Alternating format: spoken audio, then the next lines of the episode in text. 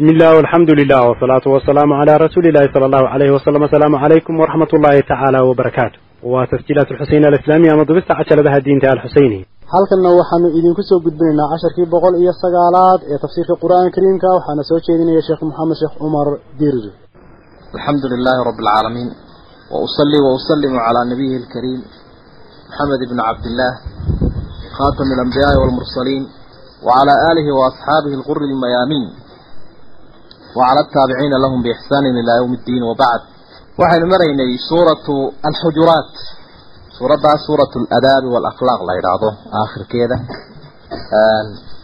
أدابت يا أخلاق ونكسن قفك مسلم كا ilaahay uu faray ee ilaalinaysa midnimada iyo walaaltinimada dadka muslimiinta ay leeyihiin ayaa nasbiina barayay waxyaabaha markaa dadka loo diiday waxaa ka mid a inay kala dhammaan waayaanoo ayagu isxantaan ay isku meeraystaan. Muuqaalka xune xantu ay leedahayna ilaahay wuu soo tilmaamay in ay tahay qofkii oo qofkii walaalkii ahaa hilibkiisii cunaya isagoo geeriyooday oo kale. Waa tusaale runtii qofku uu ka jiriconayo uu ka dilayo marka aada qof maqan oo kaafila xabanayso iyadana waa noocaas oo kale un. Leanna uma iska kaa celin karo iskama kaa dhicin karo ismana difaaci karo dareenka noocana ooryihiisii buu nebigu calayhi salaatu wasalaam u muujiyey. Mar caaisha ay islaan soo hadal qaado ay tidhi heblaayo waxa kaaga filan inay gaabanta. Ayaa wuxuu yihi waxaad cantuugtay cantuugo oo haddii imika badda aada ku tufi lahayd dhiiggeedu uu fasakhi lahaa. Hal mar baad rudhay buuri ile waa hilib cunistii la sheegayay dabeedna haddii casaankeeda iyo dhiiggeeda badda aada ku tufi lahayd wunay bedeli lahayd marka xaqiiqatan waa arrin aada u khatar badan oo ay tahay in aynu ka ilaalino camalkeena si aanay nooga burburinin. Waxa kale oo markaa culimada muslimiintu ay ka waramaan mararka qaarkood oo qofka la xaman karo ama la soo qaadi karo. Aynu nidhaahna si kale xaalatu daruura. Ama baahi keentay awgeed. Waxaa ka mid a masalan qofkani marka uu yahay mid sharwadeen ahoo dadka looga digayo. Hadduu qofkani yahay qof mufsida oo shar badan oo dadka looga digayo qadarka lagaga joogsan kara waa la sheegi karaa. Ninbaa nabiga calayhi salaatu wasalaam albaabkiisa soo garaacay isagoo istiidaan weydiisanayo fasax doonaya si uu aqalka u soo galo. Iidanu lahu bi'sa aqul cashiira. Nebigu wuxuu ihi nin gacal noqdo kanaa u liitee ka fura kolkii dambena hadalkii wuu debciyo caaishaa tidhi kolkii horena waad ku adkaysay ama waad yar waxbaad ka sheegtay intaanu soo gelin. Markii uu soo galayna hadalkii waad u macaanaysay waa sidee labadaasi say isu qabanayaan markaa dabeedna wuxuu ihi dadka waxa ugu shar badan kuwa balaayadooda la iska dhowray. Haddii kolka dambe aan ku adkayn lahaa weeye waaba laga yaababa inuu nebiga ama caayilha ama aflagaada ka iman lahayd. Waxa waktiyadaa ka mid a cinda nasiixa lilakh cinda nasiixati alakhi liakhiihi lmuslim qofku markuu walaalkiisa muslimkaa u naseexaynayo dii uu qof tala kaa weydiiyey inuu ama guursanayo ama la shuraakoobayo ama la jaarayo ama xidhiidh la yeelanayo iyadana in wax looga muujiyo qadar kooban oo wixii khatar ahee jiraa wax ka muujinaya. Waxaa loo daliishanayaa nabiga calayhi salaatu wasalaam mar gabadhi ay laba nin inay la hadleen oo guur kala guur ay kala hadleen ay soo qaaday waa mucaawiye iyo abijahmin labadaa nine la yidhaahdo.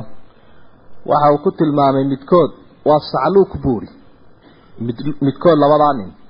Waa faqiir haddaad guursan lahayd midka kalena usha degta kama dhiga buuli macnaheedu waxa weeye islaamaha ayuu garaacaa ama kuuma roonaan doono ee kollay budwaad kala kulmi. Taasi waxay tilmaamaysaa marka inuu nasiixu siiyey. Wakadalika cinda alqadaa arrintu marka ay garsoor noqoto. Waa sheegi karaa markhaatigu wixii uu qofkan ku arkay. Ama muduciguba ka uu dacweynayo dee wixii uu ku sheegayo aada iyo aafa ah wuu sheegi doonaa. Ama dulmiyaha uu ka galay. Hinda waxa ay ka warramaysay ninkeedii abi sufyaana waxay lahayd. Waxa weeye shaxiix waa nin bakhiila. Xoolihii macnaha biil lagu filan ma siiyo xoolihiisa waxma ka qaadan karnaa. Waxa uu nabigu uri calayhi salaatu wasalaam adigoon ku xadgudbayn wax ka qaado. Bakhayl bay ku sheegtay kadaamuu odhanin nabigu calayhi salaatu wasalaam waxaa la mid a cinda aljarxi waaltacdiil cilmigii aynu ka soo warramayna cilmu lisnaad marka had iyo jeer qofku ay noqoto in ama sheekh laga dhigto ama diin laga wariyo wixii mashaakilaha uu leeyahay iyadana in wax laga sheegi karo cinda aljarxi watacdiil marka cilmigii laga qaadanayo dee dadka qaarna waa laga qaataa qaarna lagama qaato. Taasoo kale iyadana dee cilmulisnaad waa macruuf weeye siyaabaha qofka mararka qaarkood baa beenaale lagu sheegaa mararka qaarkood baa laydhaha xadiidkuu dejiyaa. Waa munkaru lxadiid waa waahin jiddan musطalaxaadka macruufka ah fii cilmi jarx iyadana kolley iyadoo ehelkeedana loo eegayo. Waa xaalado laga soo reebay oo ay duruuftu kaliftay intaa wixii aan ahayn hadduu qofku qof iska xanto waa inuu ka xalaaloobaa oo maaragtay yidhaahdaa dee iga dhaaf ila waa kabiiratun min alkabaa'ir ayay ka tahay intaanu aakhiro kalarka ku dhigin. Ilaahay baa wuxu uhi yaa ayuha annaas dadow inaa khalaqnaakum waanu idin abuurnay min dakarin wa unhaa kulab iyo ku dhadig kulab iyo tu dhadig wa aadam iyo xaawa. Wajacalnaakum waxaanu idinka yeelnay shucuuban qabiilooyin waaweyn iyo wa qawaa'ila jilibo ama shucuuban ardaayo iyo wa qawaa'ila jilibo litacaarafuu si ay isu garataan ina akramakum ka idinku sharaf badan cinda allahi rabbi agtiisa adqaakum waa ka idinku cabsi badan. Ina allaha ilaahay caliimun khabiir. Kii wax walba ogsoon weeye shay walbana xogogaalu ah. Carabtu ama jaahiliyadu waxa ay iska leedahay had iyo jeer. Waxa la yidhaahdo alfakhru bilaxsaab in wax abtirsiimo la yidhaahdo ay ku faanaan. Ama dadku ay isku harowsadaan ay isku xaqiraan marka dabeedna waxaba dhacaysayba magahooduba dadka inaanay qabaa'ilka isleegaan jirinba. Iyagoo hata isku wada carab uuna ayaanay magahoodu isleegaan jirin. Ama qaarkood waaba la qisaasi jiray qaarna waxay odhan jireen reer hebelka ayaga loo qisaasi maayo eh.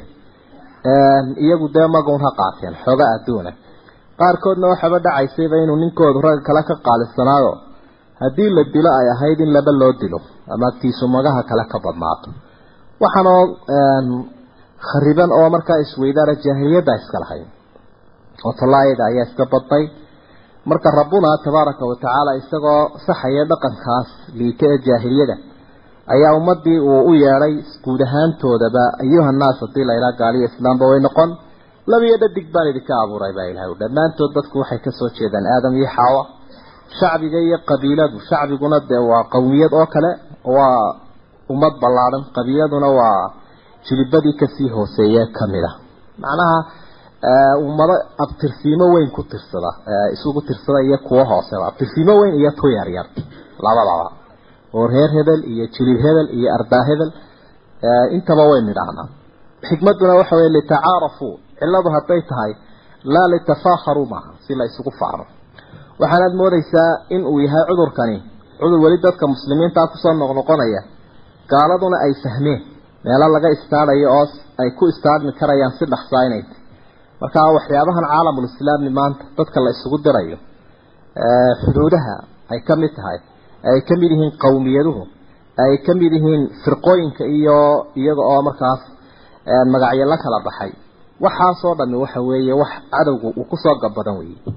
Oo qabiile heblaayo iyo qabiile heblaayo waa kala badan yihiin tanaa arrinka lahaan jirtay kanaa kada dabeedna xaaladooda waxay ku soo ururaysaa tan waxaa loo yaabaa markuu taliyo nin aan talin jirin. Macnaheedu waxay ku lug leedahay annagaa dadka xur ay noo xuurtaysnaayeene kolka ay kuwo kale madaxa la soo kacaan markaasay tani rambasaysa ilaahay baana kolley u kala xaqaado marar fara badan dad badan oo dulmi sameeyey. Waa laga yaabaa konton sano boqol sano kadib inay iyaguna haddana dadka hoos maraan arrin iyo adduun iyo awoodba waa isbedelada markaa ilaahay uu samaynayo. wey sidaa darteed ayay mar walba habboon tahay. Dadka in lagu tarbiyeeyo laga dhaadhiciyo. In diin ay yeeshaan oo waxaa xukumaya ee markaa lagu xisaabtamaya ee dadka lagu kala saarayo loo eegaya qofka inuu noqdo diintiisa iyo akhlaaqdiisa. Ama ummadda diinteeda iyo dhaqankeeda iyo akhlaaqdeeda inay noqoto. Laakiin aanay noqonin waxa kale faraha badan ee aynu garanayno. Soomaalidana dee waa waxa la haray. Waa arrin aada u khatar badan ficlan oo waxa mushkiladda ugu weyne maanta soomaali haysataa waxa weeye jaadka iyo qabyaaladda ayuun baynu odhan karnaa. Labadaasoo la isu barkiyey kanoo intoo la marqaamay dabeetana iyadii la dhigdhigay labadaasunbaa isku soo qarxaya. Markaa iyaga isbuuxinaya dadku taayir wareegayo isku wareegayo weeye dadkii kaleba waxbaba ma ahaba. Marka in ummadda ilaahay iyo rasuulka iyo qur'aanka lagu xidho oo aan reer hebel lagu xidhin runtii reer hebelna dee xikmadda loo ogaanayo waa kaa ilahay tilmaamo waa mid u baahan runtii in aada loogu baraarugo aada ingiriiskaa diraaseeye wuxuu ihi soomaalidu saddex arrimood bay qadariyaan geela iyo diinta iyo abtirsiimada buuri saddexdaasi hadday isqaban waayeen marka u horeysa diintay tuuraan oo ay ka tegayaan mar labaadkana waxay tuuraan buuri geela oo dee wixii la dhaqanayay xoolihii reer hebel ka jirun baa la odhanaya waa laga takhalusaya laakiin way ku dhimanayaan buuri qabyaalada iyo tolnimada waxaa la yidhahdo way ku dhimanayaan waa adiga arkayo ninku marka tollaay la yidhaahdo wararta maxaa laygu yeedhayaa laga hayaa odhan maayo. Iminka gaaladu mabaadidooda xataa aan islaamka ahayna kale waxay idhaahdaan yaa maslaxadda iyada haya dhaqaalaha iyaga hogaaminta wanaag hogaamin wanaagsan manfaco yaa yaa noo haya bay leeyihiin dadkan is haysta. Oo qofku wuxuu eegayaa lisaalixi maxay dani ugu jirtaa ama dunyadiisa laakiin innaga waxa weeye wax walba tuur oo wax walba burburi oo reer hebel iyo sharafta guud ka jir markaasaa lagu odhanaya waa xamiyat aljaahiliya waa nasku soo tilmaamay.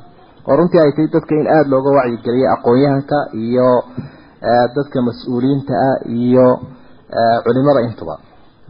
Laakiin haddii ardaayadii ay hoosta inaga galaan wadaad iyo waranlaba mushkiladeeday ficlan yeelanaysa waxna la soo kordhin maayo. Waanaynu aragnay samaradeeda iyo midhaheeda ina akramakum cinda allahi atqaakum. Ina akramakum markaa waxaynu ku fasiraynaa ka idinku laandheeraysan cinda allahi rabbi agtiisa atqaakum waa ka idinku cabsi badan oo qofba qofku ilaahay kaga dhow yahay ayuunbu ka laandheeraysan yahay kuu midiba midku ilaahay ka fog yahayna wuugu laangaabsan yahay ugu ducufsan yahay carab baa nabiga weydiiyey calayhi salaatu wasalaam oo waxay idhaahdeen man akramu nnaas dadka yaa ugu wanaagsan kolkaasuu nabigu yihi atqaahum lilah dee ka ilaahay ugu cabsi badan markaasay idhahan kaa kumaanaan weydiinin dee haddaa dad waxa ugu laandheeraysan buu ihi ninka nebiga ah ee saddex nebi ku aftirsaday waa nebi yuusuf. Mee kaa kumaanaan weydiinin bay idhahdeen dabeedna waxaa uhi facan macaadini alcarabi tas'aluunii maadaama jilibadii carbeed iyo qaybahoodiiba ay weydiinisanay iyo abtirsiimadooda haabay idhahdeen kolkaa nabigu wuxu uhi calayhi salaatu wasalaam khiyaarukum khiyaarukum fi ljaahiliyati idaa khiyaarukum fi ljaahiliyati khiyaarukum fi lislaami idaa faqihuu kuwii waktigii jaahiliyadii idinku sharaf roonaa ayuubaa dee kolka islaamay inay diin yeesheenna ilan diintu khayrun bay soo kordhisaa dee kuwaas baa idinku wanaagsan buri kol hadday diin fahmeen ina allaha caliimun khabiir. Ilaahay baa dadkiisa ogsoon oo u warhayo xogogaala. Oo aan waxba seegaynin marka dee ciddii wax kala guraysa iyo kii kale intaba waa ogsoonye nabiguna calayhi salaatu wasalaam waxa uu lahaa dadku qabyaalada ay ku faanayaan way iska dayn doonaan. Hadday iska dayn waayaanna ilaahay agtiisa way ka liidan doonaan. Juclaanka bahalka laydhaah waa xaarwalwaalka. Xaarwalwaalunbuu ka liidan doonaa alla agtiisa kaka dhammaan waayo annaga iyo reer hebel haddaanu nahay iyo caynkan aanu ahaan jirno balka war xaarwalwaalka iyo shaqadiisa iyo siduu u socdo xataa siijeed buu u socdaa soo uma socdo. Markuu hawshiisa wado. Qaalat ilacraabu buu ilahay reer miyigu waxay idhahdeen aamanaa waanu rumaynay. Qul waxaad tidhaahdaa lam tu'minuu maydaan rumaynin walaakin quuluu. Waxaad tidhaahdaan aslamnaa waanu islaamno waanu hogaansanuun dhaha walamaa yadkhuli liimaanu iimaanku ma gelin fii quluubikum qalbiyaashiina iimaanku weli ma gelin. Wain tutiicu allaha warasuulah ilaahay iyo rasuulkiisa haddii aa u hogaansantaan laa yalidkum idinka nuqsaamin maayo min acmaalikum shay-an. Ilaahay camaladiina waxba idinka yarayn maayo. Qofka ilaahay rasuulka adeeca ee u hogaansama ee yeermadooda ajiiba waxaa loo kordhin doonaa wixii wanaag ahaye uu sameeyey. Ina allaha gafuurun raxiim ilaahay baa dembiga dhaafoo naxariis. Marka alla dembi dhaaf weydiista naxariistiisana ka faa'iidaysta wey. Nimankii soo islaamayey markaa reer miyiga ahaa ayaa dee dabcan aqoontu way iska yar tahay ee qaarkood baa waxay u faaneen nabiga calayhi salaatu wasalaam iyagoo leh harabi way kula dagaalantay. Reer hebel waxaasay kugu sameeyeen. Reer hebelle intaasoo dagaal baad la gashay. Annagu waanu iska nimid uun waanu iska nimid islaamkii waanu gallay wax tacab iyo hawl inaguma bixin. Kolkaasaa dabeedna aayaadkani ay soo degeen.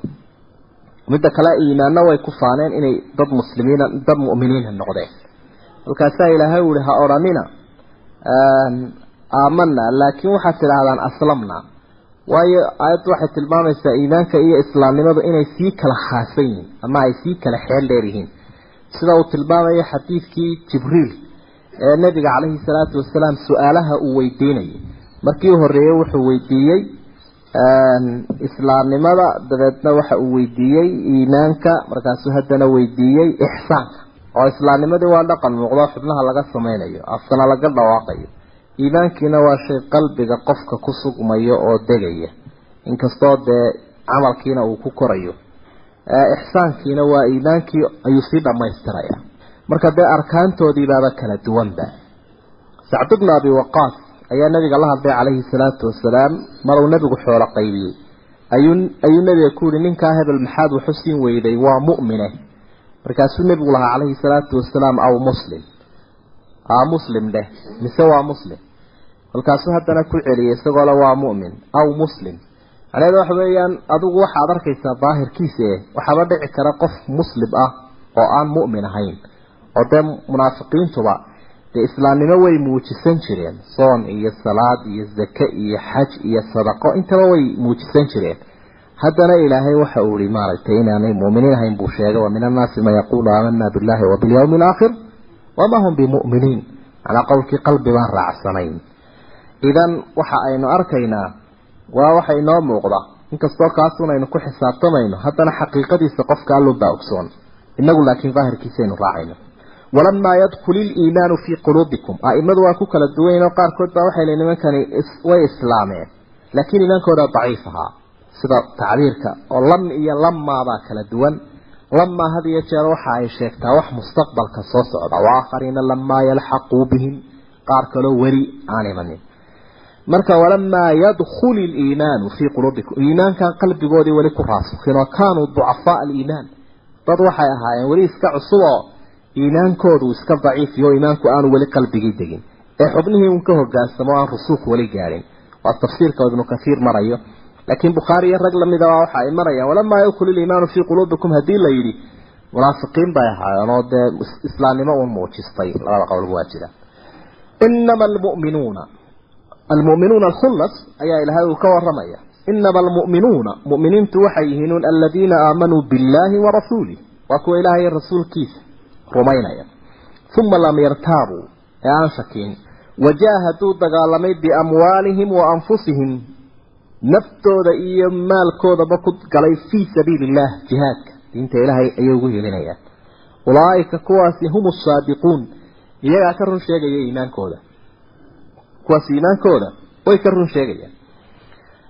Qofka mu'minkaha waxa weeyaan qofka rabbi iyo rasuul rumeeyey daacadnimo iyo niyad samaan muujiyey arkaantii iimaanka iyo tii islaamnimadaba xasiliyey oo xaqiijiyey midhihii iimaanku xubnihiisa ay ka muuqdeen mawaaqifta adag soo baxay ee aan ciirin. Mawaaqifta adaga dadka had iyo jeer la kala haadiyo oo waktiga jihaadka iyo cadowgu marka uu soo weeraro dadka muslimiinta ah uu ku soo jahaysta ama isagaba lagu duulo mawaaqifta adagna qofka aan leexanin ee sumuud iyo sabir yeeshee dhabar adayga taasaa ilaahay u xusay. Naf iyo maal baa ilaahay israaciyey in jihaadka lagu galo weliba maalkii baa la horreysiiyey waayo dadku waxay iska bataan isaga bataan mararka qaarkood inay yidhaahdaan anigu haddii aan doono aan socdabe caruurtu waxaan ha iska sii isticmaaleen dunyada ahe ha u sii joogto intani aniga iska lugayn doona. Marka naftii iyo maalkii maalkiibaaba ilaahay horreysiiyey ulaaika hum saadiquun. Qul waxaad tidhaha nebi maxamed oo atucallimuuna allaha. Ilaahay ma waxaad baraysaan bidiinikum islaamnimadiina iyo iimaankiina wallahu yaclamu rabbina wuxuu ogaanayaa maa fi samaawaati wamaa fi lard waxa ku sugan samooyinka iyo waxa dhulka ku sugan. Intaba waa ogaanaya wallahu bikulli shayin caliim. Ilaahay baa shay walba ogsoona wax ka qarsoomaya aanu jirin. Yamunuuna waxay kuu gallad sheeganayaan calayka dushaada an aslamuu inay islaameen oo ay ilaahay u hoggaansameen ayay kuugu gallad sheeganayaan nebi maxamedo. Qul waxaad tidhaahdaa laa tamunuu calaya aniga ha igu gallad sheeganina islaamakum islaamnimadiina. Waanu islaamnay iyo dhibaato nagalamaad kulmin iyo waanu ku xoojinay iyo waxba ha igu gallad sheeganina dheh bal illaahu yamunu calaykum. Ilaahay baa idinku gallad sheeganaya.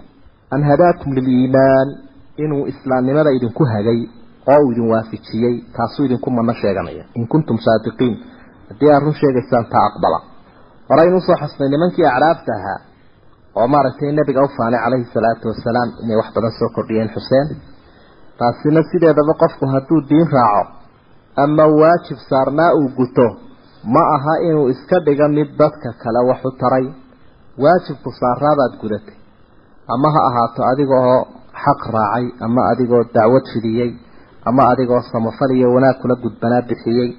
Ilaahay wax kaga doon laakiin cid kale waxa kaga dooni adigu waxaad u baahnayd oo aada waafaqday weeye oo ilaahay uu ku waafajiyey oo lagugu nicmeeyeyba lagugu nicmeeyey marka taa in la fahmaabaa muhiima qofku wixii khayraha uu qabto ama naftiisa uu soo kordhiyo ama ehelkiisa iyo bulshadiisa uu soo kordhiyo ma aha inuu imtinaan ku sameeyo. Ee waa inuu ogaadaa fursad la waafajiyo inay tahayba. Fursad dahabiyahoo isaga dan u ahayd oo uu waafaqay iyo beer uu u baahnaayo uu beeray un inay ti waanu dad ugu mana sheeganin taasaa muhiima ina allaha ilaahay yaclamu wuxuu ogaanayaa hayba asamaawaati waalard waxyaabaha ku maqan samooyinka iyo dhulka waxba kama qarsoomayaan wallaahu basiirun ilaahay waa arkayaa bimaa tacmaluuna waxaa camal samaynaysaan ilaahay wuu arkayaa dadow sidaasay tahay qofka qalbigiisa iyo qaalabkiisa iyo muuqaalkiisa intaba rabbi ayay u muuqdaan oo wax ka qarsoomaya aanu jirin idan markaa inaad cid kale iska dhaadhicisay iyo sidan aan ahay meesha ma taalo dhaqankaa iyo akhlaaqdaa wanaagsan iyo iimaankaa qarada leh suudan baa ilaahay addoomaha ku tarbiyadaynaya oo uu ku ta'diibinaya baraya. Marka suuraddu sidaasay u noqotay suurad runtii qofka ku barbaarinaysa adaabta uu kula noolaanayo khaaliqa iyo makhluuqaba khaaliq ilaaha khaaliqa ah adaabta wanaagsana uu kula noolaanaya waa taa ay tilmaameen aayaadka u dambeeya adaabta wanaagsana uu kula noolaanayo ilaahay iyo rasuulka waa taa suuradda ilaahay ku bilaabay. Adaabta wanaagsan oo ummadda kula noolaanayaana guud ahaanteedaba waa taa ay ka warrantay suuradda qaybaheeda dhexe. Marka aada baynu ugu baahi badan nahay inaynu akhlaaqdaa iyo dhaqankaa wanaagsan qaadanno bulshadeennana aynu ku jahayno oo aynu ku hanuunino ilaahayba hanuunkooda haye taasoo xaqiiqatan wax badan oo badan ka jafaysoo dhibaato ah. Suuraddan la yidhaahdo suuratu qaaf waa suuraddii kontonaad xagga tartiibka ama tirada marka la eego suuradaha qur'aanka oo dee macnaheedu markaa waxa weeye inay afar iyo konton ka dambeynayaan ilaan qur'aanka suuradihiisa xagga hoose u badan yihiin oo dee toddobiyo labaatan jus iyo saddexda jusa qadsamce hoose ayaaba isla egba xagga marka la eego tirada suuradaha oo kala barhkiisu tirada suuradaha dee waxa weeyaan suurat alxadiid waxa ay odhan jireen soomaalidu subaca khamiisyeed bay odhan jireen. Ayaa ka bilaabma halkan. Ficlanna kolka saa loo eego salafkii raad bay ku leedahay. Arrintani oo iyaga lafdigoodu sidaasay u qaybin jireen. Markay qur'aanka kariimka akhriyayaan asbaac bay ka dhigi jireen toddoba subac oo saddex suuradood ayaa subac noqon jiray. Suuratu albaqara wa suuratu ali cimraan wa suuratu nisaa shanta suuradood ee ku xigaana subac bay ahaayeen. Adiga ayaa tirin doone. Toddobada ku xigaana waa subac. Sagaalka ku xigaana waa subac. Koob iyo tobanka ku xigaana waa subac. Saddex iyo tobanka ku xigaana waa subac. Mufasalkanina waa ka toddobaad weeye marka xadiidkanuu nabigu leeya calayhi salaatu wasalaam saxaabigii marka uu la hadlay qisaar almufasal akhri mufasalka kuwayaalihiisa gaagaaban.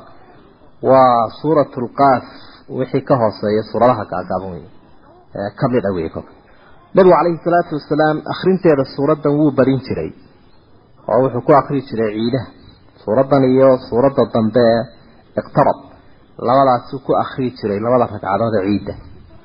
Waxaa kaloo suuraddan u sii dheeraad ahaa khudbadaha jumcada sida faraha badan ama haaliban wuu ku soo dari jiray suuraddan iyadoo qofka muslimkaa si gaara ee qalbigiisa iyo dhagaysigiisa uu soo jeedo si gaara u baraarujinaysa oo runtii aakhiro u xusuusinaysa. Waxaa ilaahay uu ka warramay bilowgeeda bilowgii adduunyada iyo dhammaadkeeda iyo janno iyo naar iyo xisaab iyo abaalmarin iyo naftiioo baxaysa iyadoo la soo taandheeyo amaam allahi la hor keenayo qiyaamada iyo suurtiioo la afuufayo. Marka sawir aada u cajiiba oo xaaladaha adagay naga dambeeya abay suuradda muuqaalkiisa bixinaysaa saa darteed buu khudbadana ku akhriyay nebigu calayhi salaatu wasalaam salaadahana ku tukinayay. Bismi illaahi araxmaani araxiim qaaf allahu aclamu bimuraadihi bidalik waxaunu ka mid yahay uun ereygaas xuruufta suuradaha bilowgooda had iyo jeer dhacaysa ee tusinaysa qur'aankan kariimkaah inuu yahay kalaam ilaahay oo mucjiza oo aanu nebigu abuuranin calayhi salaatu wasalaam cid kalena barin oo aan ilaahay ahayn. Ilaahay boqorka habaa baray deetana xarafkaas macnihiisa. Dee waxa uu u yaallaa un taxadiga horjoogsi in dhaabo dadka looga dhigo la idhahdo bal haddii aad tidhaahdeen maxamed baa abuurtay ama qur'aankan isagu soo dhambashay bal idinkuba garta macnihi wax buur qaaf la yidhahdo daliil uu ku soo arorayna ma jiro. Buur qaaf buur la yidhahdaa jirto ayaa soomaalidu way sheegaan. Kutubaha laftoodana waabaad ku arkaysaa.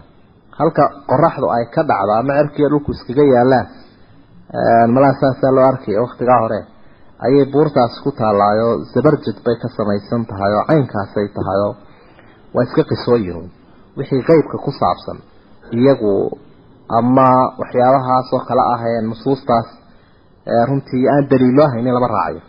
Waalqur'aani almajiid qur'aankii wanaagsanaabaa ku dhaartay baa ilaha wuli majdigu waa sharafta iyo ammaanta iyo qiimaha. Waa qur'aan ilaahay uu soo dejiyey oo la akhriyayo oo ammaan iyo wanaag leh bal cajibuu waxa ay la yaabeen an jaa-ahum inuu u yimi mundirun minhum rasuul iyaga ka mid ahoo digaya. Inuu u yimi aada bay ula yaabeen gaaladii. Faqaala alkaafiruuna gaaladii waxay idhaahdeen haadaa shay-un cajiib arrinkaasi waa la yaab. Waa mid la yaab le waa shay lala yaabo. Oo qur'aanka ayay leeyihiin layaab buu leeyahay. Mundirka laftiisao rasuulka abay leeyihiin layaab buu leeyahay. Aakhirada uu sheegay lafteeda layaab labay leeyihiin aidaa mitnaa bay idhaahdeen markaanu dhimanno wa kunnaa turaaban aanu ciid noqono nimankaa caqli xumadooda halkaasay kaga dhigtay caqliyadoodaa liidata daalika kaasi rajcun baciid waa soo celin fog. Macnaha wuu jiraayo wuu fog yahay. Uma wadaan. Ee waxaasi waa fog yahay haddaad tidhaahda macnaheedu waanu jirin bay ujeedaan waanu jirin aakhire in laysu soo celinayo iyadoo dadkii murxay u muldhabay u dabeedna kala raacay ciidda. Maya ma jirta bay leeyihiin allana sidan uga warramo waxau ihi qad calimnaa waxaanu ogaanaynaayo nagaba qarsoomayn buu ilaha yidhi maa tanqusu alardu dhulku waxa ay ka cunayso minhum iyaga. Dhulku waxa uu ka dhicinayo. Waxaas waxaasuu ka dhiciyey macnaha wuu nuqsaamiyey dhulku had iyo jeer waxa uu iyaga ka rifayo ee uu ka cunayo. Ayaanu ognahay lafahooda iyo haragooda iyo seedahooda timahooda mid waliba meeshay martay markuu ilaahay soo uruurinayo kuma adka wa cindanaa agtayada waxa ahaaday buu ilahay yihi kitaabun xafiid kitaab wax walba koobay. Kitaabkaasi lawxulmaxfuudkana waa noqonaya. Kan malaa'igtu ay qorayaane camalka dadka koobayana waa noqonayaa suuraddu ay xusi doonto. Kitaabun xafiid oo qoray kuwani waxay sameeyeen iyo waxay yidhaahdeenba dhammaantiiba wada koobay. Bal ka kaalay taa horeo kadabuu bilxaqi bay beeniyeen ama bal ha xaqii bay beeniyeen lamaa jaa-ahum markii u yimi waa qur'aanka. Fahum iyagu fii amrin arrin bay ku sugan yihiin mariij isku jacburahoo isku dhex jiro mukhtalid ah. Warku uma kala baxsana. Qofka muminka arrinkiisu wuu cad yahay. Leanna istiin buu soconaya. Waddo cadna wuu marayaa adduunyada wuxuu abuuran yahay. Iyo adduunyada wuxuu samaynaya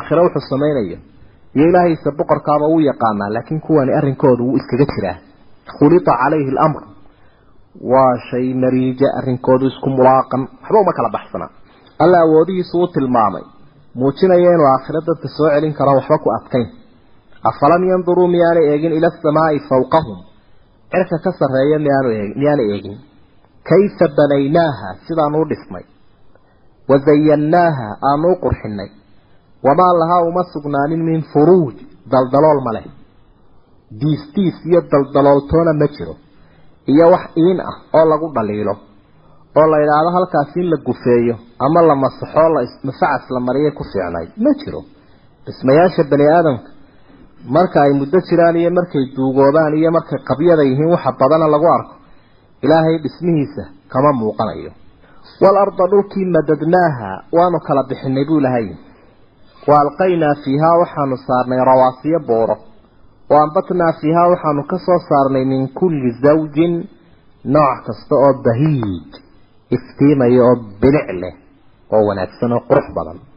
Marka dhulkiina wuu kala baxsan yahay. Mid rakibaya weeyaan waxaana rakibaya rawaasiya buuro ee ilahay uu ku rakibay.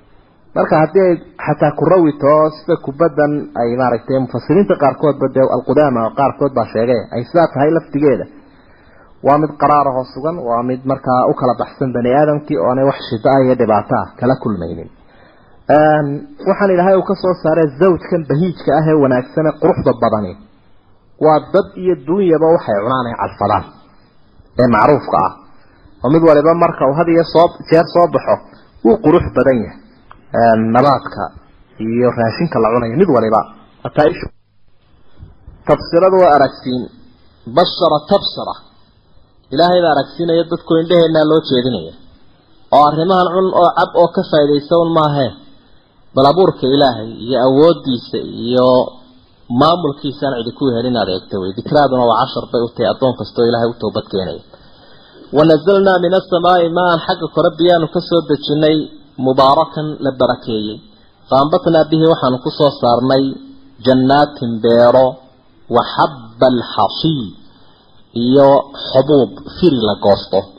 Xasiidku waa faciil bimacnaa mafcuulaho wa xabban maxsuudan xubuub la goosto oo sidaa loo urursanayo dabeetana dadku calfanayo. Waa biyo barakaysan oo runtii meesha ay taabtaan xataa biyaha xagga kore ka soo degay iyo iyo walmiyaaha aljawfiya iyo biyaha xagga kore xagga hoose laga soo dhurayo isku tayo iyo isku barakatoona maaha waa kala baraka badan wanakla geetimireed baanu ku soo saarnay buu ilahay yihi baasiqaatin dhaadheer dhaadheer weeye lahaa uu usugnaaday dalcun ubax nadiij oo isdul baxay ama midhaba dhe dalcigu midho ayaa ka ayaa ku yaalla nadiij oo isku shiilan ama isku cufan waa midhaha timirtu had iyo jeer markay si badan u baxaan waa kuwa rucub rucub waaweyn oo isku cufan ayay u baxaan oo midhuhu marka ay teelteel yihiin iyo markay isku cufan yihiin dee isku maaha isku tayo iyo iyo isku qiimatoona maaha risqan lilcibaad arsaaqad iyo raashin buu yahay addoomaha. Addoomaha ilaahay uu raashimaya addoomuhu wixii ay calfan lahaayeen baa sidaa ilaahay u soo diyaariy halkaasuu ka soo biriqiyey dabeetana taasay ku dambeeyeen wa axyaynaa bihi waxaanu ku noolaynay biyaha baldatan maytan wadan dhintay. Wadan abaaroobay qur'aanku ma idha laakiin maytan iyo mayitan ayuu cabiraa waa geeri oo ku xusuusinaysa geerida dadka waa nolol oo ku xusuusinaysa nolosha nolosheena dambe. Nasku saas uu cabiraya bal eeg waxa ku xiga. Kadalika khuruuji baa ilahay wi soo bixiduna waa sidaas. Haddaad aragtay dhul abaaroobay oo dabeetana omas ahaa oo qiiqu duulayay oo kadibna intuu ilaahay biyo xuliyey oo daadkuu xaliyey dabeedna uu ka soo baxay daaq iyo dad iyo xolaba waxay dheersadaan oo aada u wanaagsan oo noolaaday oo cagaarnaaday oo inaad fadhiisato ood ku istareexda aada jeclaysanayso noloshaa iyo noloshan kadalika alkhuruuj. Kadabad qablahum kuwan hortood waxaa beeniyey qowmu nuuxin wa asxaabu rasi wathamuud dhowrkaa qoloba way beeniyeen rusushoodii. Oo kadaba iyo kadabat labadaba qur'aanku waa cabiraa kadaba haddii la idhaha waa qolo ahaan. Kadabatna waa ummad ahaan. Qoladaa qowmu nuux galatay asxaabu rasi waa qoladii ceelka. Qoladii ceelka ayay iyaguna ahaayeen oo markaas qowmu shucayb ama reer tamuud qayb kamidaba waa la yidhi. Wacaadun baa beeniyey iyo wa fircawnu iyo fircawn isaguna waa beeniyey. Wa ikhwaanu luud. Luud walaalihii macnaha kuwii ay isku isagana loo diray. Wa asxaabul aykati qoladii kaynta. Qowmu shucayb ayaa meel kaynana degi jiray. Wa qowmu tubbac tubbac qoladiisiina iyaguna way beeniyeen rusushoodii oo waa boqoradii yamaneed ayaa tibaac la odhan jiray. Kullun dhammaantood kadaba rusula bay beeniyeen. Rusushii ilaahay u diray ummadahaasi way beeniyeen. Qur'aanku aada uga warramay adhaxda ka jabae siyaabaha kala duduwan loo halaagay. Fa xaqa waxa ku habsadoo ku degay waciid wixii aan ugu goodiyey ama wixii ilaahay ugu hanjaday ama cadaabkiisiiba uu ku habsaday. Wacdi iyo waciid waa bushaare iyo iyo balaayo allaw yabahay marka balaayadii la yoobahe looga digayay tii lafteedii baa ku habsatay. Marka macnaheedu waxa weeye ka wadadii hayaa bal hadda halku uga dhaadhacaya ha eego ha sheedaaliyo afa cayinaa bilkhalqi alawal buu lahay. Afa cayinaa miyaanu ku daalay bilkhalqi alawali abuurkii hore. Abuurkii hore ee ilaahay uu abuuray khalqigan cidi kuma haysato oo waa loo qirsan yahay. Su'aal baa loo soo dhigaye ilaahay miyuu ku daalo dhib baa ka qabsaday? Maya bal ka kaalay intuu ilaahay ku daale wax tacab iyo dhib kama soo gaadhine hum kuwani fii labsin. Waxa ay ku sugan yihiin shaki min khalqin jadiid. Abuur cusub inuu ilaahay khalqigan soo cusboonaysiiye aada bay uga shakiyeen. Balaayaa udhex fadhiisatay iyo shaydaano labsigu waa shaki way ka shakiyeen waxaana kaga dhacay yaqiin xumo in khalqi cusub ilaahay dadka uu dib u soo walaqad khalaqna alinsaana buu lahay waxaa rabbi intuu abuuri kari waaye iska daayo wuxuu og yahay arrimaha insaanka ku idmaaran een cid kaleba ogeyne ku helan walaqad khalaqnaa waanu abuurnay al insaana bani aadamkii wanaclamu waxaanu ogaanaynaa maa shayga tuwaswisu bihi ay ugu sheekaynaysa nafsuhu. Naftiisu ay ugu sheekaynayso. Kam wa kam maxaa maskaxdaada soo maraya iyo fikirkaaga? Inta yada halkaa socoto ama inta meel kala badbaayo intaad ilaahay hor taagan tahay aada salaad gudanayso. Aad salaada ilaahay u tukanayso. Intaasaa dee waswaaskaasiba uu badan yahayba marka qofka bani aadamka ah iyo naftiisu waxay ugu sheekaynayseen cid kale arkaynin. Cid kastoo ku dhow iyo cid kastoo xiisaynaysa midna ma oga. Inkasta oo ilaahay fadligiisa ummadan laga dhaafay wixii ay nafteedu ugu sheekayso. Haddii aanu qofku ama xubnaha ka samaynin ama afka kaga hadal laynoo qori maayo. Wa naxnu anagu buu ilahay hi aqrabu ilayhi waanu uga dhowi badannahay insaankii min xabli lwariid xablulwariidkaanu uga dhownahay ayaa ilahay ui allah tilmaamay inuu insaankii xablulwariidka uga dhowya inaguba xawlalmariid un baynu nidhaha hadduu qur'aanku xablulwariid tilmaamay xawla almariid xididada biyo buuflayaasha ku yaalla un qoorta kaasaanu uga dhowi badannahay baa ilahay ui oo markaa dee laba qowlun bay salaf ku fasireen oo in la idhaha malaa'igta ilaahay mar ayaa u dhow oo dee wax ka qoraya oo ag taagan id yatalaqa almutalaqiyaan iyo in markaa cilmi ay noqoto ogaan ahaan isagoo aqoon iyo ogaal aanu ka haynin xablul xawlalmariidkiisa ayaa ilaahay u ka haya waa uu ogsoon yahay. Laakiin xuluul iyo itixaad ma jiro. Id wakti ka waran ama id wakti baanu u dhownahay baa ilahay ilaahay iyo malaa'igtiisa u dhow id wakti yatalaqa almutalaqiyaan ay labada malag la kulmayaan can ilyamiini wa can ishimaal midigta iyo bidixda ayay kala kulmayaan oo ay ka ururinayaan wixii uu markaas samaynayey wixii uu sameeyey waa laga qorayaa midig iyo bidixba almutalaqiyaan labadii markaa ka gurayay ee ka qoraya wixii camalkiisa. Can ilyamiini wa can ishimaal midig iyo bidix qaciid. Ay qaciidaani kuwa fadhiya wey labadaa malag waxa ay fadhiyaan midigta iyo bidixda. Maa yalfidu kuma dhawaaqayo min qowlin hadal ilaa ladayhi agtiisa waxa ah raqiibun ku ilaalinaya catiidun oo tirinaya. Waa mid ilaashaday rikoord gareeyeyna. Waxbaba ma muruxsaninba adigu weligaaba iska daldalan ama iska laafiyood ama jeedjeeso dhankaa doonta u riixo.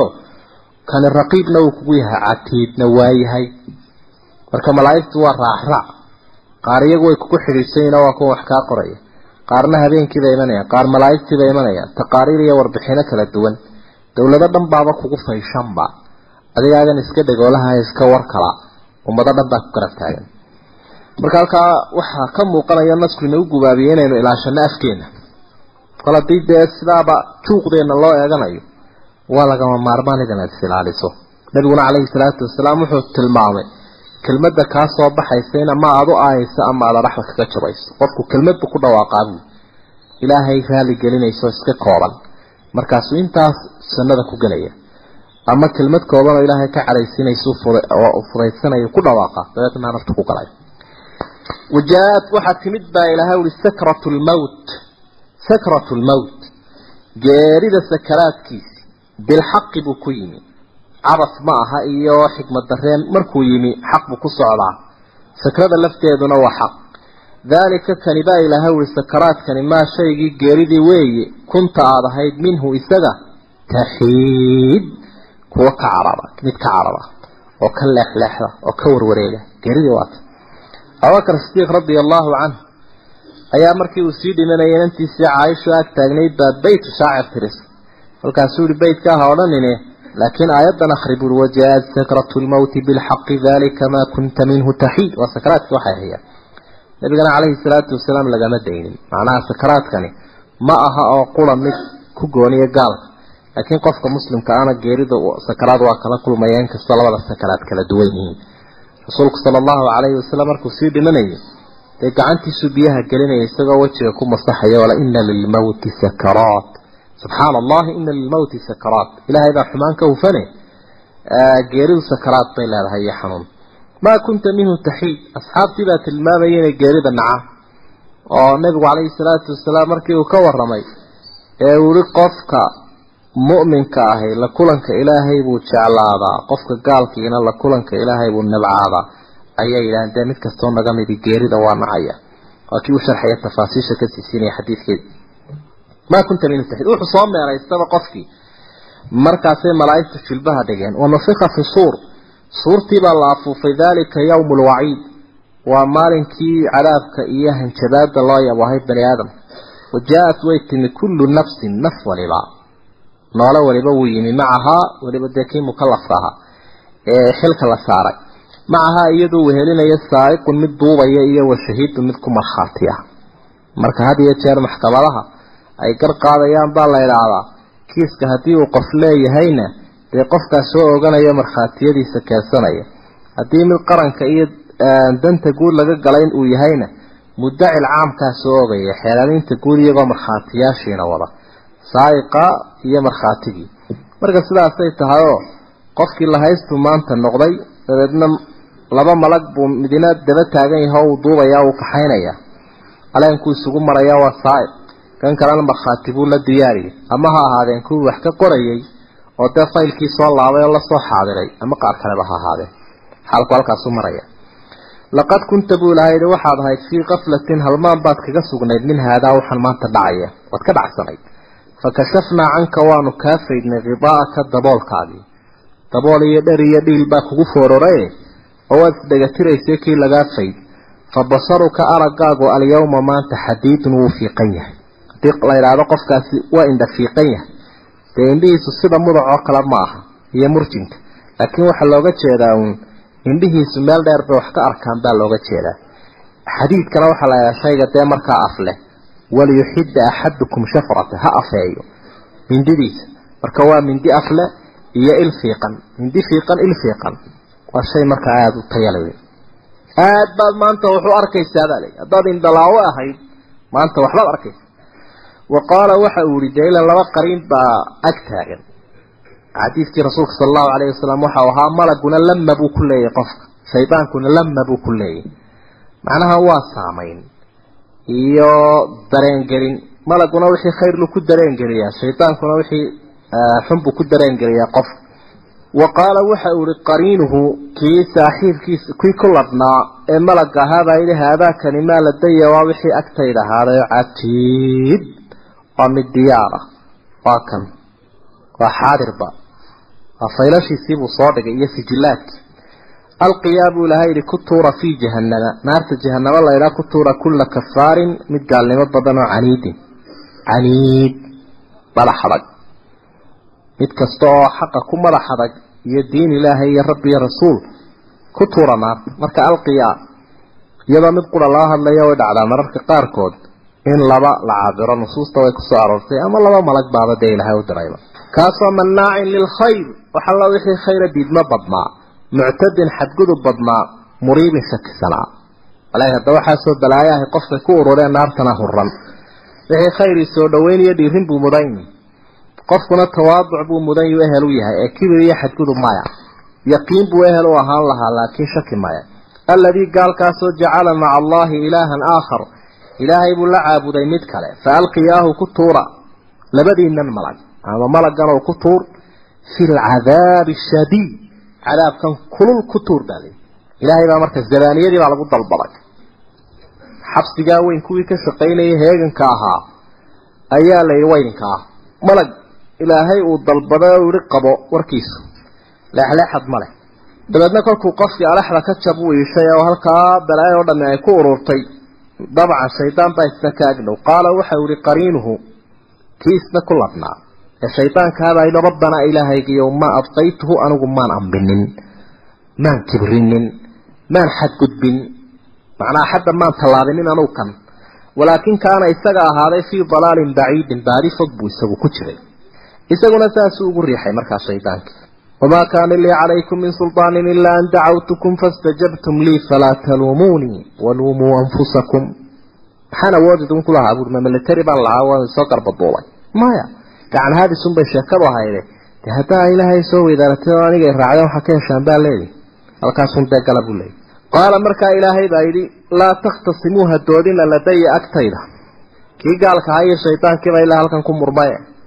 waqad qadamtu waxaabaan horu mariyay ilaykum idinka bilwaciid cadaab iyo goodi iyo hanjabaad horaan idinku sii sheegay halkan inaa iman kar inaanan imanaysaan haddaa waxaa la timaadaan hore laydinku sii sheegay waaba dee kan ilaahay sheegayaba imaka maa yubadalu lqawlu hadal la doorin maayo ladaya agtayda wamaa ana ma ihi anugu buu ilahay yihi bidallaamin lilcabiid addoomaha mid ku xadgudbaya ma ihi oo dulmi ku samaynaya ilaahay addoomaha ma dulmiya waxa maanta ka yaabsantihiin qof dee dhagaa ula haystaa waa camalkiisii un abaalkii un wey marka qowlkani waa yaboohdii hore u dhacday ee ahayd jiniya insi ka gaalnimada noocana la yimaada iyo kuwa waxaan ku rafiiqay inuu ilaahay halkan gelinayo yowma maalin xustabi maxamedow naquulu lijahannama naarta jahanamo la idhahdaanu ku odhan. Waa naarihii wax lagu gurayo o dhan unbay ka turjumaysa hal imtalaati ma buuxsantay wa taquulu waxay odhan doontaa hal min masiid wax la soo kordhinayaa ma jira. Intaan buuxsamay iska daayo. Halkaa waxaa ka cad in mid haamaana ay tahay oo khatarteedu ay badan tahay. Naarta iyada ah. Oo kuwa ay ku hamaansato laga yaabi doono. Naartaasaa ilaahay su'aal weydiinaya ma buuxsantay baa la leeyay iyana sidaanay ku jawaabaysa. Ma odhanayna ma hadlaysiyo waa lisaanulxaale way hadlaysa. Siduu rasuulkuba uga warramay sala allahu calayhi wasalam isaga oo le way jannadii iyo naartiibaa hadalla isdhaafsaday iyada oo naartu faanaysay leedahay. Waxalla wixii kibri jiray iyo wixii isqaadqaadi jiray ayaa halkan lagu soo ururiyay si aan u burburiyo aan u xafuujiyo. Jannadiina iyadoo nooc malaha calaan cali ka yar muuqday leeda talo aniga maxaa igu dhacay? Ducafadii iyo dadkii masaakiintii iyo mutawaadiciintii baa laigu soo ururiyay ilaahay baa kala xukumo waxa uu leeyahy adigu cadaabkaygii baa tahay oo ciddan ka arsanayaan ku keenaya adiguna naxariistaydii baa tahay oo cidda aan soo dhaweynayaan ku keenaya labadiinabana waxaa idiin sugnaaday in aan idin buuxiyo. Marka xadiidka saxiixa wuxuu tilmaamaya marka ay naartu tidhaahdo hal min masiid wax la soo kordhinayaa ma jiraa ayuu ilaahay ku joogsanaya waa joogsi aan ka bani aadamkao kale la mid ahayn. Inana aynaan dafirayn aynu usugayno isagunu qalma rabbi. Fataquul qatin qatin ilaahay waan buuxsamay waan buuxsamay kaaftoomay bay leedahay. Waan haatan waan ururay jannada laakiin waxaa loo sii curinayaa siduu xadiidka saxiixay tilmaamayo iyadu in la soo ururiyo way ka qaalisan tahay khalqi kale ilaahay uu curinaya si loo buuxiyo iyada. Wataqul hal min masiid wa uslifat aljanna.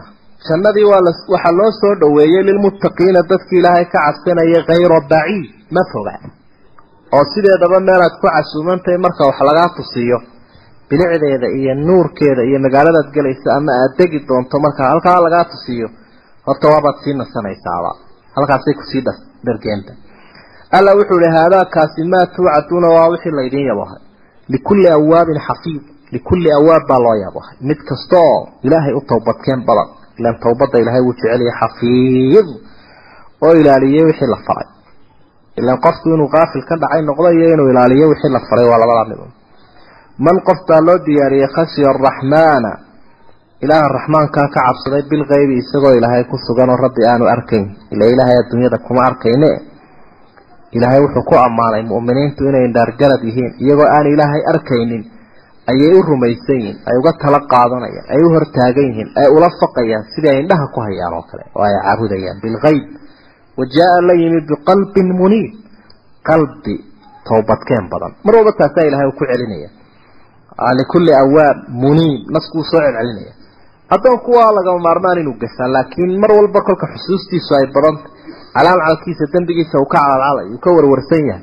Ammaanteeduu leeyahy udkhuluuhaa buu ilaahay yidhi isagoo hambalyeynaya ahlu jannihii bisalaam. Nabadgelyo ku gala. Nabadgelyo ku gala baa ilahay wax badan baa cabsigii soo martay dadka. Daalika yawmu alkhuluud maalinkaas waa maalinkii waaritaanka. Halkaa waxaa u bilaabmay inay ku waaraan. Meel damboo looga baxaya anaana jirin lahum waxaa u sugnaaday maa yashaauuna fiihaa waxa ay doonaan. Waladaynaa masiid agtayadana kordhin ba ahaatay baa ilahay wy waxa ay doonaan bay leeyihiin waxaanay dooninna waa loo kordhinayaa ama aanay xusuusnaynba baaba la xusuusinayaaba baa lagu dhargay ishii faqrigaa la tuuray. Waxalla wixii duruuf oo dhan baa qofka ka haray. Walwalkii iyo walaacii iyo xataa takaaliiftii iyo xilkii la saaray markii adduunyada wixii o dhan wakama halaknaa in badan baanu halaagnay qablahum hortood min qarnin ummado. Hum ashaddu minhum kuwan ka adkaa badshan xagga waxqabadkiiyo awoodda. Dar badanoo kuwan ka xoog badan baa la halaagay. Fanaqabuu way dalooliyeen fi lbilaadi wadanka hal min maxiis meel la galaa ma jiraa ma jira meel la galaa. Markii uu ilaahay qabtu halaagayay maa min maxiis waa meel loo leexdo oo lagu libdhaa may jirin marka fanaqaduu fi lbilaad waddankay dalooliyeen. Macnaheedu way camireen. Badi iyo beriba waxa ay ka sameeyeen raad muuqanaya. Way rogrogeenoo taqalubaad bay sameeyeen waddanka dhexdiisa. Ina fii dalika yidhi kaa ummadaha la halaagay la dikraa. Cashar baa ugu sugan liman kaana lahu qalbun. Qofka caqlile aw alqa samca. Ama maqalka soo jaheeyey wahuwa shahiid isaga oo goobjoogahoo xaadira. Taasaa ilahay u tilmaamay waanadaa cajiibka ah ee looga warramay dadka qeybkii hore iyo qeybka soo socda iyo janno iyo naar iyo geerida. Arrintaasi waxay anfacaysaa liman kaana lahu qalbun qofka caqli iyo garaad ee inuu wax fahmaya. Aw alqa samca wahuwa shahiidna waxay tilmaamaysaa dhaguhu u furan yihiin wahuwa shahiid isagoo xaadiroo dadka qaarkood oo wax dhagaysanayo maqan baa jira oo xaadirulgaa'iba walaqad khalaqna asamaawaati waalarda wamaa baynahumaa waan abuuray baa ilahay uhi ciriyo dhuliya ka dhaxaysaba fii sittati ayaamin lix maalmood wamaa masanaa min luquub wax daalihina nama soo gaadhin. Nimankii yuhuudeed markii ay yidhaahdeen ama qurayshba ha u soo laqimeene ilaahay wuxuu ka bilaabay abuurka caalamkan sabtida ilaa iyo axadda ilamaa iyo jimcaha. Sabtidana wuu nastay fastaraaxa. Ayaa ilaahay ui caalamkan waan abuuray cil iyo dhuliya ka dhaxaysa muddadaa kooban lixdan maalmooda oo lagaba yaabo ilaahay baa yaqaanay intan inay kaba yaraayeenba hadday doonayaan maalmahaas. Wamaa masanaa min luquub tacab ima soo gaadhin baa ilaahay wax daali ilaahay kuma iman. Fasbir nebi maxamed oo u adkaysta calaa maa yaquuluuna waxay leeyihiin afxumadu way badanta weerarku iyo ku soo jahaysnaantu shaydaan kugu soo jaheeyey way badanta isaga sabir aflagaadada adiga ilaahayba ay ku hayaan wasabix tasbiixsa bixamdi rabbika adiga oo mahadnaqa ilaahay ku daray labadaa isku dar subxaana allahi wa bixamdi labadaa badi. Qabla duluuci shamsi qoraxdu intaanay soo bixin wa qabla alquruubi intaanay dhicin ka hor wa min alleyli iyo habeenka qayb ka midana fasabixu wa min alleyli fasabixu qayb habeenka ka midana ilaahay u tasbiixso. Wa adbaara asujuud iyo sujuudaha dabadooda salaadaha dabadooda marka dee sujuuddii tasbiixdii xamdiga badi wey gelinka hore iyo gelinka dambe iyo habeenkii iyo salaadaha dabadooda halkaa nasku waxa uu tilmaamay cadowgu dhibka uu ku hayo qofka mu'minkaa iyo awliyada ilaahay aada buu u badan yahay. Laakiin waxyaabaha silaaxa iyo difaaca u noqonaya waxaa ka mid ah inuu qofku sahay weynsito oo ilaahay xuskiisa iyo dikrigiisa oo alle uu ku xidhan yahay oo quwadu dee maadi iyo macnawiba way noqotaa. Quwo maadiyahoo la taaban karayo muuqato cadowga laga hortago. Kiisa muuqda iyo kiisa qarsoonba iyo quwo markaa macnawiyahoo tuu nabigu tilmaamaya calayhi salaatu wasalaam markii uu lahaa almu'minu alqawiyu khayrun waaxabu ila allah min almu'min aldaciif waa quwada macnawiga aho waa inuu sito sahay aada u caji badan oo cibaadada alle iyo daacadiisa iyo tala saarashadiisa inuu ilaahay ku tirsadaa. Aimada qaarkoodna waxay tilmaamayaan waxa salaadihii bay markaa sheegaysaa bay leeyihiin aayadda qabla duluuci shamsi waa salaadii subax wa qabla alquruub qoraxdu intaanay dhicin ka hor waa duhur iyo casar wa min alleyli fasabixu qayb habeenka kamida tuko waa maqrib iyo cishaa'iga wa adbaara sujuud waa rawaatibti. Salaadaha dabadoodana tasbiixso sunnayaashii raacayay faralka la kaalay. Wastamic dhegaysa yowma yunaadi lmunaad ka dhawaaqayaa maalinka uu ka dhawaaqi doono min makaanin qariibin meel dhow ka dhawaaqayaa waa malag ilaahay u xil inuu suurtan ku afuufatan oo loogu yeedhiyo. Meesha dhow ka dhawaaqayaanama meel baa ilaahay ka fog. Marka uu ku dhufto mid walba dhegtuu u saaran yahay. Mid walba wadnuhu kaga dhacaya. Ilaahay baa tiirada u soo dhaweynaya. Yowma maalin weeye yastamicuuna sayxata qayladay maqli doonaan. Sayxadoo bilxaqi ku sugan. Baatil kuma imanayso. Ilaahay xaqa ahaa ayaa si xaqa ugu dhawaaqay tan. Daalika maalinkaasi yowmu lkhuruuj waa maalinkii la soo murmudhlaynaya waa la soo baxbaxaya iyadoo aanay cidiba hadhay nabiguna calayhi salaatu wasalaam waxa uu lahaa anaa ugu soo horbaxaya. Waa waktigu tilmaamaya nebi muusaan arkay buu lahaayo carshiga ilaahay haysta yowmu lkhuruuj inaa anagu buu ilahay yihi naxnu anagu. Ilaahay cidima muhelisee waa maca kibriyaa'ihi wa cadamati nuxyi waanu noolaynaynaa wa numiitu waana dilaynaa labada awoodood ilahay isagaa iskale geeriya nolol yaa hayee kale laguma sheegin cid kale maba fahmayaanba dadku ilaa hadday sharxi kari lahayn geeriya nolol wailayna almasiiru xagga iyagu ahaaday halka loo soo laabanaya. Yowma maalin xus tashaqaqu lard dhulka ayaa dildilaaci doonta canhum iyaga ka dildilaaci siraacan iyaga oo degdegaya. Way qadimayn in xagga dambe laga soo riixayaad moodaa la soo tukaan tukiyo siraacan. Waxa ay markaas u soo heegan yihiin inaysa soo taagaan halka looga baaqay dadkii meeraysan jiray iyo kuwii ilaahay ka baydhay maalintaa maya. Daalika xashunkaasi waa soo ururin calaynaa yasiir nagu fudud buu ilahay waa soo ururin ilaahay u sahlan. Kuma adka ilaahay. Hallo waxa khalqiga ee horaysiya dambaysiya jin iyo insi intaa inuu ilahay goob qura isugu keeno ha qariibsanin ha baciidsanin maskaxdaada ayay ku weynaanin daalika xashrun calaynaa yasiir. Naxnu aclamu anagu waanu ogaanaynaa baa ilahay uhi bimaa yaquuluuna? Waxay leeyihiin waxay odhanayaan. Muxuu yahay? Dee noocuu doonayaba ha ahaado dadkii midi shar buu yidhi midina khayr buu yidhi. Wax alla waxa lagu dhawaaqu ilaahay ogsoon yahay. Siduu ogsoon yahay waxa qalbiga lagu hayo. Qofka wanaag ku dhawaaqay waxay u tahay yaboo fiican. Qofka shar ku dhawaaqayna hanjabaad bay ku tahy wamaa anta adigu ma ihid calayhim dushooda bijabbaar mid dirqiyay oo lagu saliday ma tihid. Laguma salidin iyadoo dee ogsoonta aayaadkuna inay ahaayeen kuwii makiga ahaa ee soo degay intaan la amrin jihaadka fadakir bilqur'aan qur'aanka waxa aad ku waanisaa man yakhaafu cidda ka cabsanaysa waciid ilaahay waxa uu yaboohe halaaga wacdi iyo waciid suuraddu aad bay uga warantay labadaa wacdiguna waa bushaare iyo ballanqaad ilaahay uu siiyey dadka wanaagsan waciidkuna waa balaayo ilaahay uu yaboohay marka cidda in un ka cabsanaysa kuwaani marka waxaaba la tilmaamaa culimadu culamu qur'aan ka waramaa lix kun iyo laba boqol iyo lix iyo soddonka aayadooda uu yahay inay shan boqolba ka waramaan xalaasha iyo xaraamta. Waa nisba yar nisbe aada u yar. Kun baa ka waramaya wacdiga kunna waciidkay ka waramaya kun ka midina akhbaartii amsaashay ka waramaya marka fadakir bilqur'aani man yakhaafu waciid nidaam kasta iyo xeer kastoo ummada ay dhigato waxa uu waxyigu kaga duwan yahay.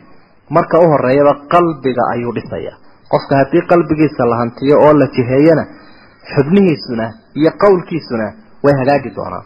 Andimada iyo qawaaniinta iyo nidaamyada ardiga ee bashariga ah ee bani aadamku uu samaystaana dadka qulubtooda ma dhisaan laakiin wuxuunay ka waramaan waxaasaa xeera waxaasaa xeera waxaasaa xeera. Iyadoon wacdi iyo waciid iyo iyo tadkiir iyo waanintoona jirin.